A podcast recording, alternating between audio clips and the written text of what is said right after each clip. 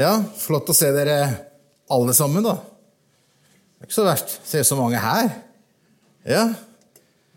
Folk er jo så abstinenser, går rundt og gir klemmer til folk, så det er jo nesten, nesten litt rart å, å, å, bli klemt på. Jeg ble jo klemt på, jeg òg. Men det var ikke av kona, så det var så det, Men det er, jo, det er, jo, bra det at vi kan få lov til å kjenne at vi, vi begynner å nærme oss noe som kan være mer normalt. da. Selv om eh, normalt er jo litt vanskelig, fordi, fordi hva, er, hva, er, normalt egentlig?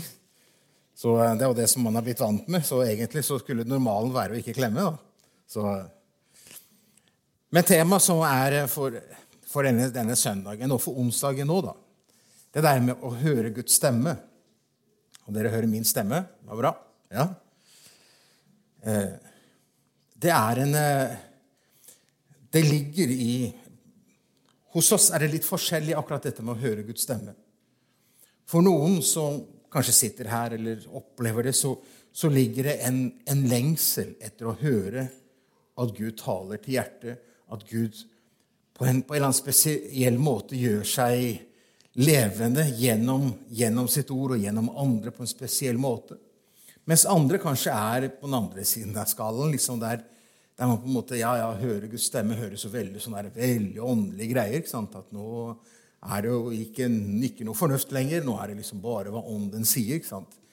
At man på en måte er, er, er på forskjellige områder i livet når det gjelder akkurat dette med, med å høre, høre, Guds stemme. Og et gjeldende spørsmål for i dag er jo taler Gud i dag? Ikke sant? Taler Gud enda? Eller, og hvordan taler han? Og hva har han å, å si? Hvordan kan, man, hvordan kan man på en måte gjenkjenne Guds stemme? Nå skal ikke jeg svare på alle de spørsmålene i dag, så da må du komme på onsdag, for da får du svar på alle de spørsmålene. Nei da, jeg skal ikke slutte å preke midt i. Men det er, mange, det er mange ting som har med dette å høre Guds stemme. Det interessante er at i Bibelen så står det i hvert fall over 13 000 ganger Gud sier eller Herren sier. 13 000 ganger over det står det. Så Herren, han taler. Og det vi vet om Gud, det er det, det, er det han har åpenbart seg. om.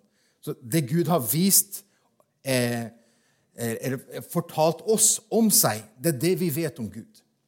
Så alt det vi vet om Gud, er det Gud har åpenbart. Så Gud, han har talt, og Gud, han, han taler jo selvfølgelig enda.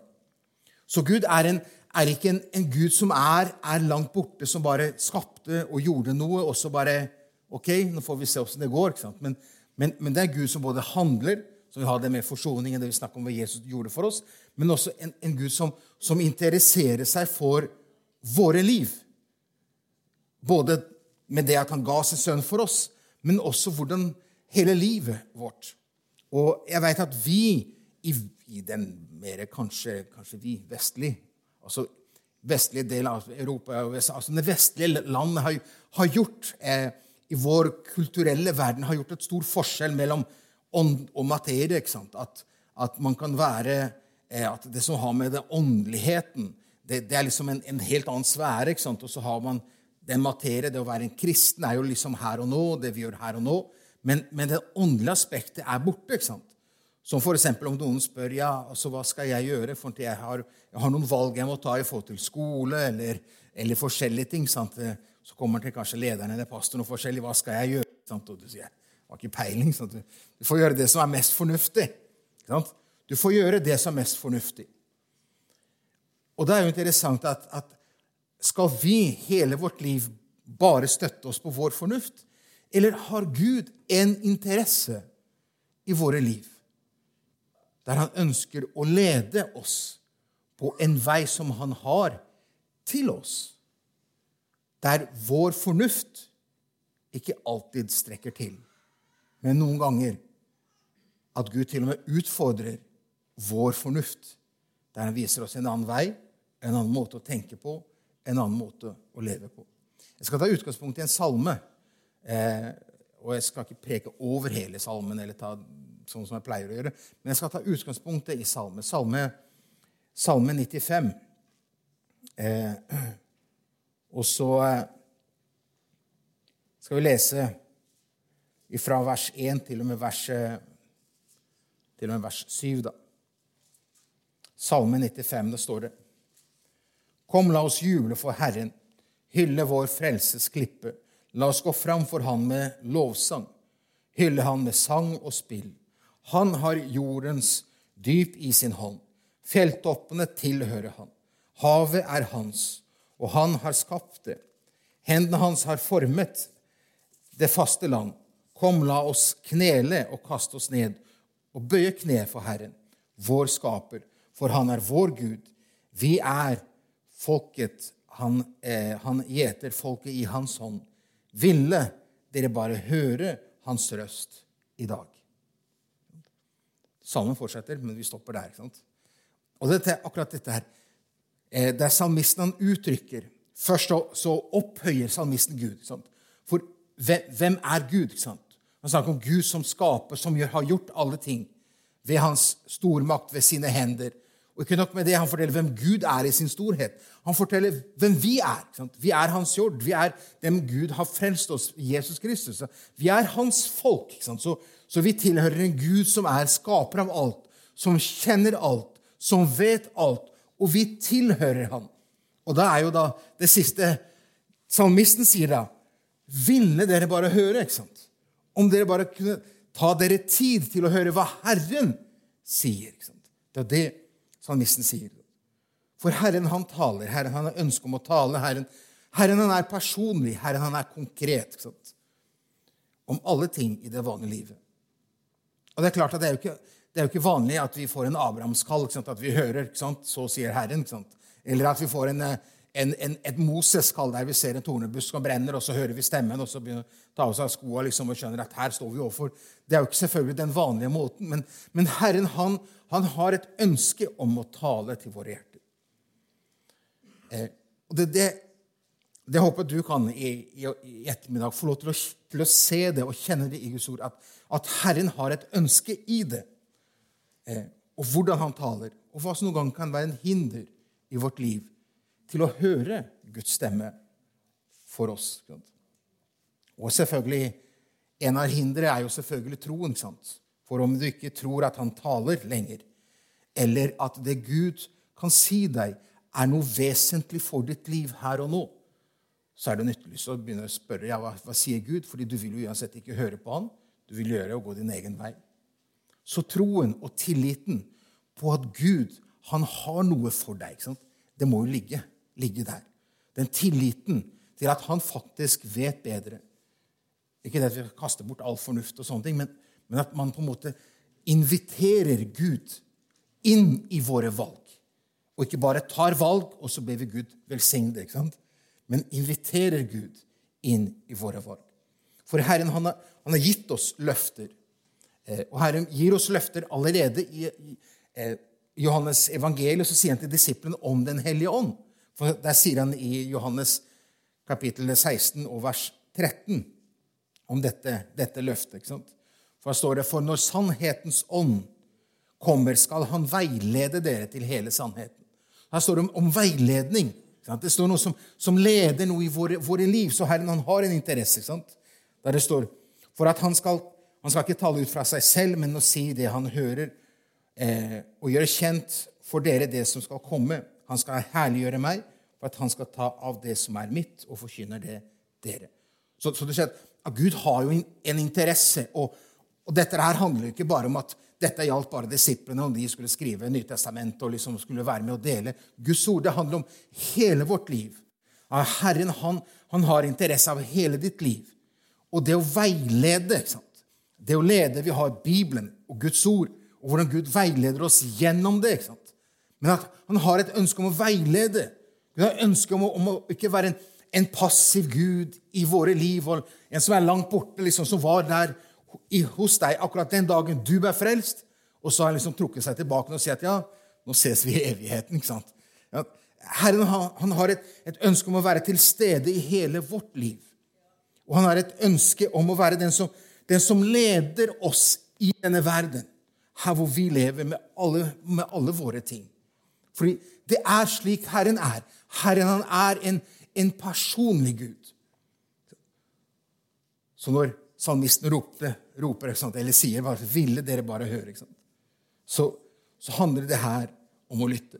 Og Det er det som Jesus formaner i sine, i, sine, i, sine, brev til, til eh, menighetene. I Åpenbaringen kapittel 2 og vers 7 så står det der bl.a. i Efesus, menigheten i Efesus. Men, men det er en oppmuntring til å lytte. ikke sant? For der det står 'den som har ører', ikke sant? han hører hva Ånden sier til menighetene. Så det Jesus utfordrer menigheten i Efesus, og utfordrer oss, det å ha en, en varhet til hva sier Gud? Hva ønsker Gud? Det er ikke det her snakk om en ny åpenbaring, om en ny frelsesvei. Eller, altså det går aldri mot Guds ord. Men her handler det om våre liv. Det handler om hva Gud vil. Å ha den varheten til å forstå at Gud han, han har på en måte også en tanke på våre liv. Det å høre Guds stemme. Det er klart, vi kan jo, det er klart Oftest i kriser i livet er det vi på en måte virkelig drar oss i håret og, og roper til Gud og sier, 'Gud, hva mener du med dette?' Ikke sant? Hvorfor, hvorfor akkurat dette er her? Ikke sant?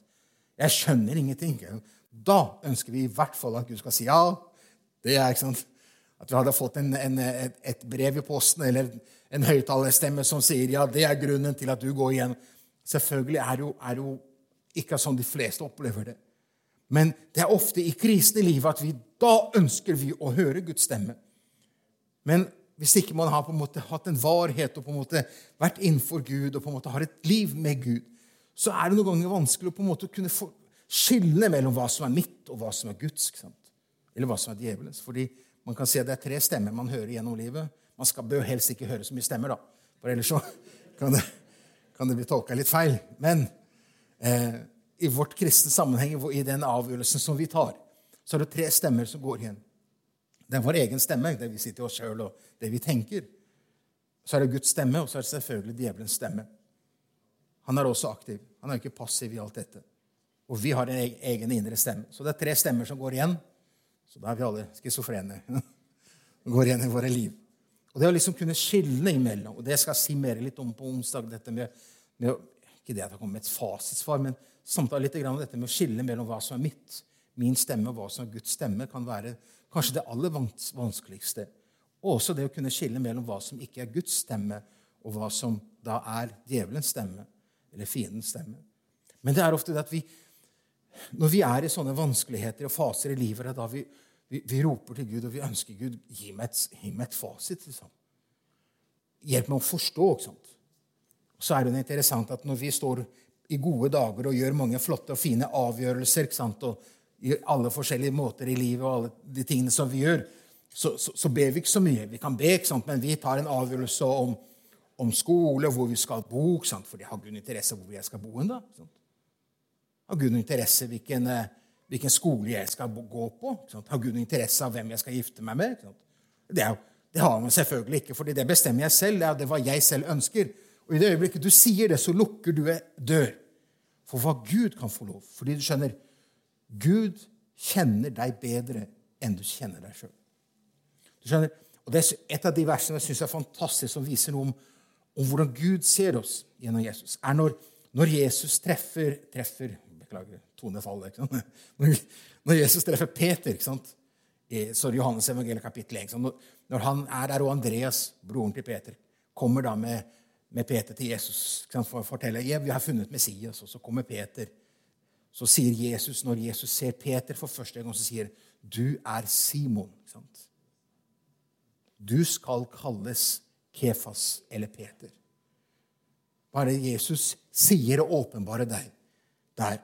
Jesus åpenbarer at den beste versjonen av Peter, den er hos Jesus. Jesus ser hva Peter eller Simon kan bli i hans hånd. Og da gjelder det jo ikke bare for å se godt det er ikke bare for det, det å bli frelst er jo ikke bare det, det nye livet. Men det er ikke slutt i det øyeblikket du begynner det nye livet. Men det handler om hvordan du vandrer dette nye livet. Hvordan du går. ikke sant? Hele ditt liv hva Gud vil. Kall, tjeneste, alt det Gud ønsker å bruke deg til. Så du skjønner, Gud han kjenner deg bedre enn du kjenner deg sjøl. Fordi han har skapt deg. Og Guds intensjoner er ikke en autoritær diktator. Han elsker deg av hele sitt hjerte. Han har et fars hjerteforhold til deg. Derfor er hans planer for deg en fars godhjerta planer for våre liv. Og det å få inn i våre liv dette her, er noen ganger litt vanskelig fordi vi, vi kjemper for det, det, det, jeg vil, det jeg ønsker, og så på en måte har Gud et ønske og et vilje, og det inviterer han. Derfor ofte i, i gode dager så tar vi avgjørelser om der vi skal bo, der vi skal studere, der vi, hvem vi skal gifte oss, oss med, og hva, hva, vi gjør. ikke sant? Og så Når vi da kommer, og når vi skal reise, så ber vi Guds velsignelse, men vi har jo aldri Og Gud er jo der. Gud forlater ikke deg i dine avgjørelser. Men det gjør at, at du aldri tillater å ha en varhet. Hvorfor bor der du bor? Hvorfor har du de naboene du har? Du begynner å tenke oi, oi, nå ble det veldig åndelig her. ikke sant? Men hvorfor? Hvorfor har vi de menneskene vi har rundt oss? Har Gud en plan for de menneskene du har rundt deg, og at du er plantet der fordi Gud har et vilje med ditt liv for menneskene du har rundt deg? Familie, barn, venner, naboer. Du begynner å se verden i et perspektiv at ting er ikke bare tilfeldige som var det, som ble det. ikke sant? Men at Gud har et ønske. Og når du begynner å tenke slik og føle sånn, så, så begynner du også å be Gud, hjelp meg til å forstå, Herre. Hjelp meg til å se mine naboer annerledes. Hjelp meg til å se mitt liv på en annen måte. At mitt liv handler ikke om jobb, spare opp penger til pensjon, bli pensjonist, havne på et sykehjem eller dø før det, og så er jeg ferdig her. Men å forstå at mitt liv her har en mening. Om ikke du har tatt hjem til Herren i dag, så det Herren har fortsatt bruk for deg. Herren har fortsatt et vilje med ditt liv. Samme hvor frustrert og hvor vanskelig ting kan være av sykdommer eller, eller problemer. og du kanskje sier det, det er jo ikke mulig, ikke sant? fordi jeg kunne ikke hatt det verre enn det jeg har nå. ikke sant? Kanskje du føler det sånn. Men vet du at du har en far som elsker deg, og han forstår din sorg og din smerte. Han ønsker å vise deg at han har fortsatt selvfølgelig bruk for deg. Han har en vilje med ditt liv. Han ønsker å stå der sammen med deg. Han ønsker at du skal oppleve at han er der. Så Gud han, han har interesse. Og, og det er hvordan, hvordan taler Gud? Altså? Hvordan taler Gud? Her i, i salmene som vi leste, så, så, så, refereres den salme til hva, hvordan Gud åpenbarte seg for, for Israel i ørkenvandringen. Og hvordan Gud talte da? Han talte gjennom Moses. Gud talte gjennom en person som var en leder, som en profet. Så Gud talte gjennom profeter i Gamle testamentet, Gud talte gjennom konger, Gud talte gjennom enkeltmennesker. Eh, og det er klart at den perioden er ikke det at det er ferdig. Gud taler fortsatt til mennesker. Men om man kan si det i dag, så, så er, er, på en måte Gud taler primært gjennom sitt ord. Og jeg skal komme tilbake. Gud kan tale gjennom drømmer og andre ting, men, men først og fremst så taler Gud gjennom sitt ord. Og det er faktisk Noen på en måte har, har mista det begrepet i sitt forhold til Bibelen. Der Bibelen blir en sånn der bibelleseplan, der man leser tre, fire eller fem kapitler om dagen for å komme gjennom Bibelen et helt år, og så bommer man i løpet av tre måneder, for man orker ikke å lese etter tavlen lenger. ikke sant? Eller et eller annet greier. Eller at Bibelen blir at jeg må bare finne et ord som jeg kan dele med noen. ikke sant? Der Bibelen ikke er lenger et, en kilde til at Gud kan tale. ikke sant? I Hebrebrevet kapittel 4, vers 12 så står det hva Guds ord er. For Bibelen er Guds ord. Gud har åpenbart seg til mennesker og gjennom mennesker for oss. Og der står det om Guds ord. sant? For Guds ord er levende og virkekraftig og skarpere. Sant? Den er levende og virkekraftig og skarpere enn noe treegget sverd. Det trenger igjennom til det kløver sjel og ånd, står det. Så, så Guds ord, den er, den er, levende. Det er liksom ikke, ikke bare en historie eller et eller annet som Gud fortalte for det som skjedde, men, men ordet, Guds ord er levende i seg selv. Det, er det det er. Og det å kunne forstå det at mitt gudsliv og andagsliv, det å, det å høre Guds Gud taler gjennom sitt ord. Og Jeg regner med at de fleste av dere har en eller annen opplevelse av en eller annen gang lest et ord eller et bibelvers er blitt lest, og så plutselig så går det rett inn i din situasjon, i ditt liv, der du kjenner var akkurat det jeg trengte. Det var akkurat det jeg hadde håpet på. Det, er akkurat som Herren talte til meg nå. ikke sant? Du har jo hatt den opp. Så det viser at Guds ord er levende. Men hvordan få dette levende ordet inn i mitt liv, så jeg kan høre? Og det har jo det med andagslivet Jeg skal ikke ta hele punktosen. Men et råd i andagslivet er at før du begynner å lese på morgenen, be en kort bønn og si, 'Kjære Jesus, hjelp meg til at det ordet jeg leser, sier noe til meg.' Ikke les en hel haug med kapitler. Les en tekst, og så leser du det kapitlet, halve kapitlet, eller, eller noen av de versene. Og så, når du har lest det, så kan du spørre hva, hva, er, hva er budskapet, og hvordan kan dette budskapet relateres til meg? Hva er budskapet, og hva sier det til mitt liv? Og så ber du, kjære Jesus. Jeg forstår ikke hva som står her. Eller du kan be, kjære Jesus. Dette var et vanskelig ord. Eller Jesus. Dette er et løfte som du har gitt, også til meg. Hjelp meg å holde fast til det. Og så blir du på en måte, blir Ordet blir levende, men så blir du var i det at Gud han kan tale gjennom, gjennom sitt ord. Fordi Paulus sier også til Timotus om akkurat dette med at, at, at ordet at eh, det er, det er nyttig. ikke sant? Skriften er innåndet av Gud, står det i 2. Timotus brev kapittel 3, vers 16-17. Så står det for hver bok i Skriften er innåndet eller innblåst av Gud. I 2. Timotius brev kapittel 3, vers 16 og vers 17. Og er nyttig til opplæring, tilrettevisning, veiledning og oppdragelse i rettferd. Så det mennesket som tilhører Gud, kan være fullt utrustet til all. Så, Gud, så Guds ord er levende. Guds, Guds, ord den taler. Den er der for hele vårt liv, i alle våre avgjørelser. Så det er klart at Guds stemme, hvordan jeg hører Guds stemme Gud taler aldri mot sitt ord.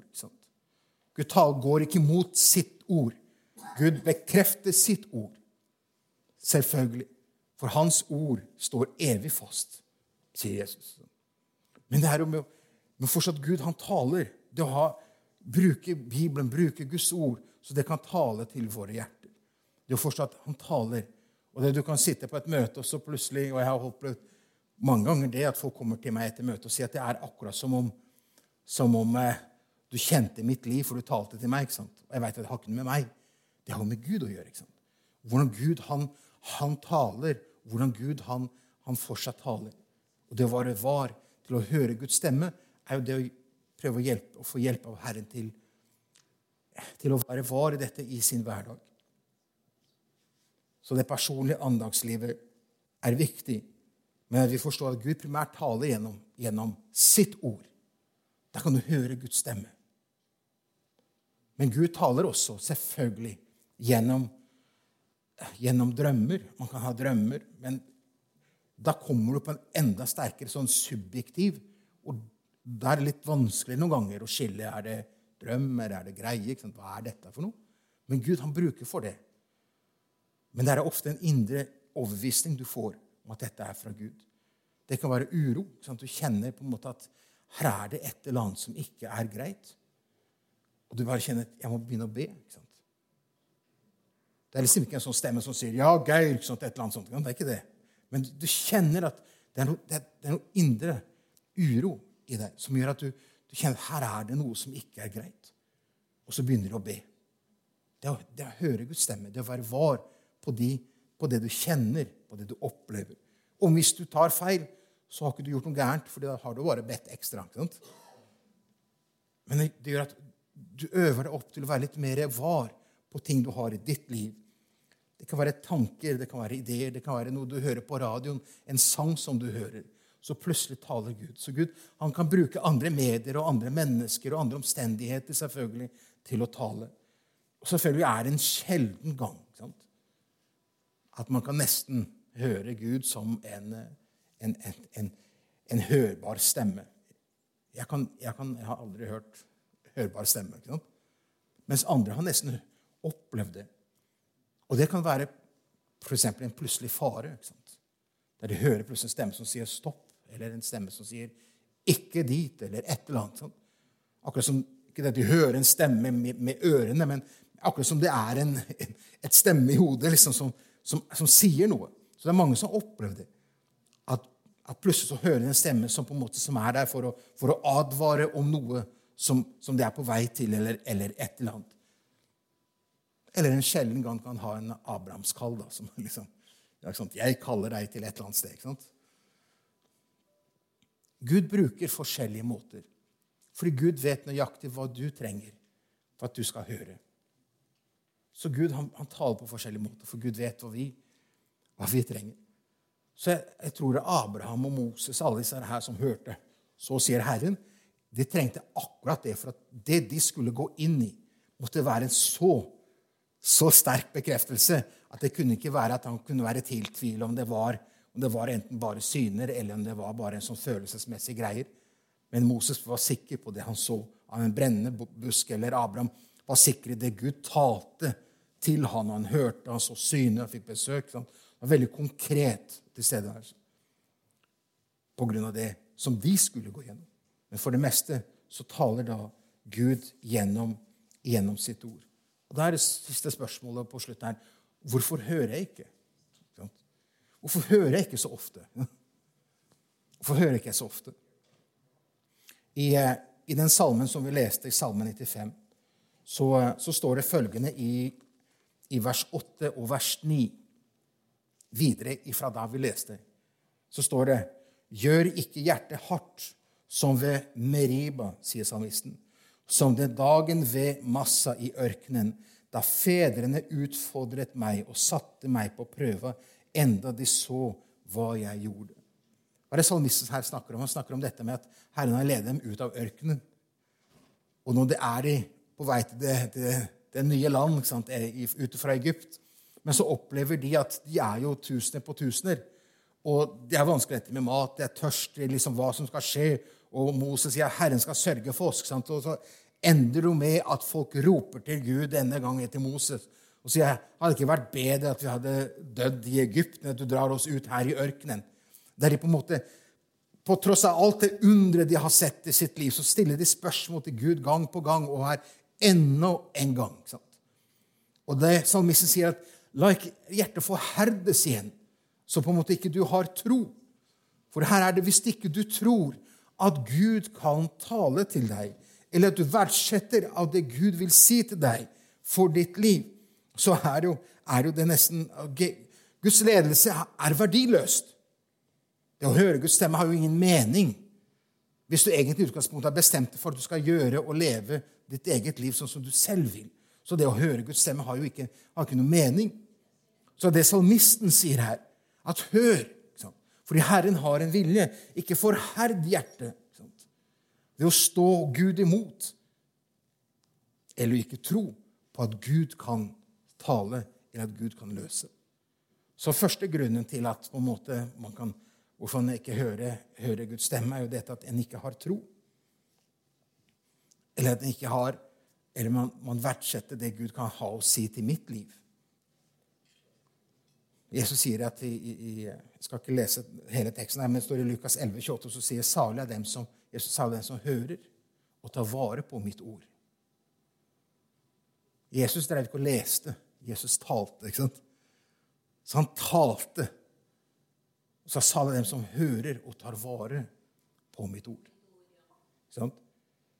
Ordspråkene 3, vers 5 og 7. Jeg vet ikke om jeg har fått det på skjermen. eller Nei. Men ordspråkene eh, Der står det i, i kapittel, kapittel, 3, vers 5 og 7 så står det om at det som noen ganger vi, vi trekker fram på våre liv, da står det 'Stol på Herren av hele ditt hjerte'. står det. Støtt deg ikke til din egen innsikt. Tenk på Han hvor du enn ferdes. Så gjør Han dine stier jevne Vær ikke vis i egne øyne. Frykt Herren, og vend deg bort fra det onde. Ordspråkene 3, vers 5 og vers, til og med vers 7. Altså det, det, det, det, å tro på Herren mer enn en sin egen forstand eller sine egne tanker og ideer. Det å ha en tillit til at Gud han vet hva du trenger. Det er det grunnlaget som må være der. Men hvis du tror at Gud taler, hvis du tror at du vet at Gud taler, han har talt til deg, men du fortsatt ikke hører, så er det en annen god grunn til det at du ikke hører, at fordi du er for opptatt. Du har ikke tid til Herren. Når du skal be, så har du en dårlig tid, så du må bare komme gjennom bønneremsa. Når du skal lese, så må du bare komme gjennom lesinga, og så må du av gårde til et eller annet. Du har tid. ikke sant? Gud har tid, men vi har ofte ikke tid. Vi er for opptatt. Så det da bare sette seg ned og lese Guds ord og be, og så bare si 'Herren, her er jeg'. Og jeg sier, 'Herre, her er jeg'. Jeg takker deg, Jesus, for ditt ord. Jesus, du ser mitt liv. Og Noen ganger så kan man være fordi man er redd for hva Gud vil si. Det, mitt, eh, det har jo jeg veldig personlig opplevelse av. Jeg var redd for hva Gud ville kalle meg til, for jeg var mistenkte hva Gud hadde kalt meg til. Så jeg, jeg brukte mye tid på, på, å ikke være stille. ikke? Jeg ville ikke høre Guds stemme, for jeg visste hva Gud hadde kalt meg til. Så, så Noen ganger så kan man være redd fordi man frykter, og da, da har det med tillit å gjøre. At du egentlig ikke tror at Gud vil det beste for deg.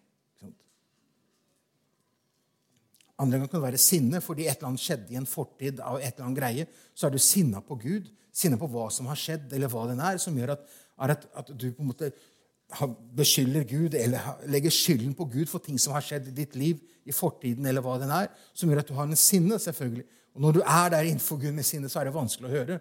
Du hører bare din egen stemme som sier ja, ja, ja, ikke sant? istedenfor å si 'Herre, hjelp meg'. Og det siste i dette her, da, for for å nærme meg avslutninga nå. Det siste som kan hindre deg å høre Guds stemme, er, er synd som du har i livet som du allerede vet du ikke vil gi opp. Synd du har i livet som du vet at dette her dette vil ikke jeg gi opp. Dette er en del av meg. Dette her ønsker jeg. Dette vil jeg. Så, så taler Gud til deg, og, og Gud på en måte, han, han bruker sin ånd sant, i det at du, du kjenner at, at den åndens oppgave som er å overbevise om synd og rettferdighet. Og når du kjenner at, at du blir på en måte eh, eh, Du kjenner skylden i ditt hjerte. Du kjenner hvordan at dette, dette er, ikke, er, ikke, gærent. Men hver gang så står du imot og sier ja, men jeg vil dette. Jeg ønsker dette. Så, så er, det, er det til et visst punkt så sier Gud ok, jeg overlater deg til din synd. Er han ikke kjærlig Gud? Jo, han er det. Men han vet at du bare at du kan bare åpne ditt hjerte i det øyeblikket du roter til livet ditt. Og da livet er rota til, kanskje det er da du vil åpne ditt hjerte. Men hvis du har synd i livet ditt som ikke du, så, det, så vil du ikke høre. Du vil stå Gud imot hele tiden. Og synd bør ikke være en, en ting du gjør. Det kan være en, en, tilstand du har. Stolthet. Stolthet. Mange ting som er som Gud minner deg på. Som sier nei. Nei. nei. Så det kan også være ting som hindrer deg å høre. Men vit at Herren ønsker at du skal høre hans stemme. Og til slutt så skal jeg lese her, så kan vi avslutte. Jeremias kapittel 33, så vers 2 og vers 3, så står det følgende Så sier Herren til Jeremias, som skapte jorden Det er viktig. Han som har skapt jorden, han som formet og grunnfestet den. Han, dette sier Gud, han som er gjennomvektig. Herre er hans navn. Og Der står det, 'Rop på meg, så vil jeg svare deg.' Og fortelle deg store, ufattelige ting som du ikke kjenner til. Så Gud, den allmektige, skaper av himmel og jord, som er din frelser i Jesus Kristus, som har etterjaget deg med sin kjærlighet, som ga sin sønn til soning for dine synder, som elsker deg komplett, som elsker deg med en indre kjærlighet. Han oppmuntrer og utfordrer deg til å rope til han. Og han sier, 'Jeg vil svare deg'.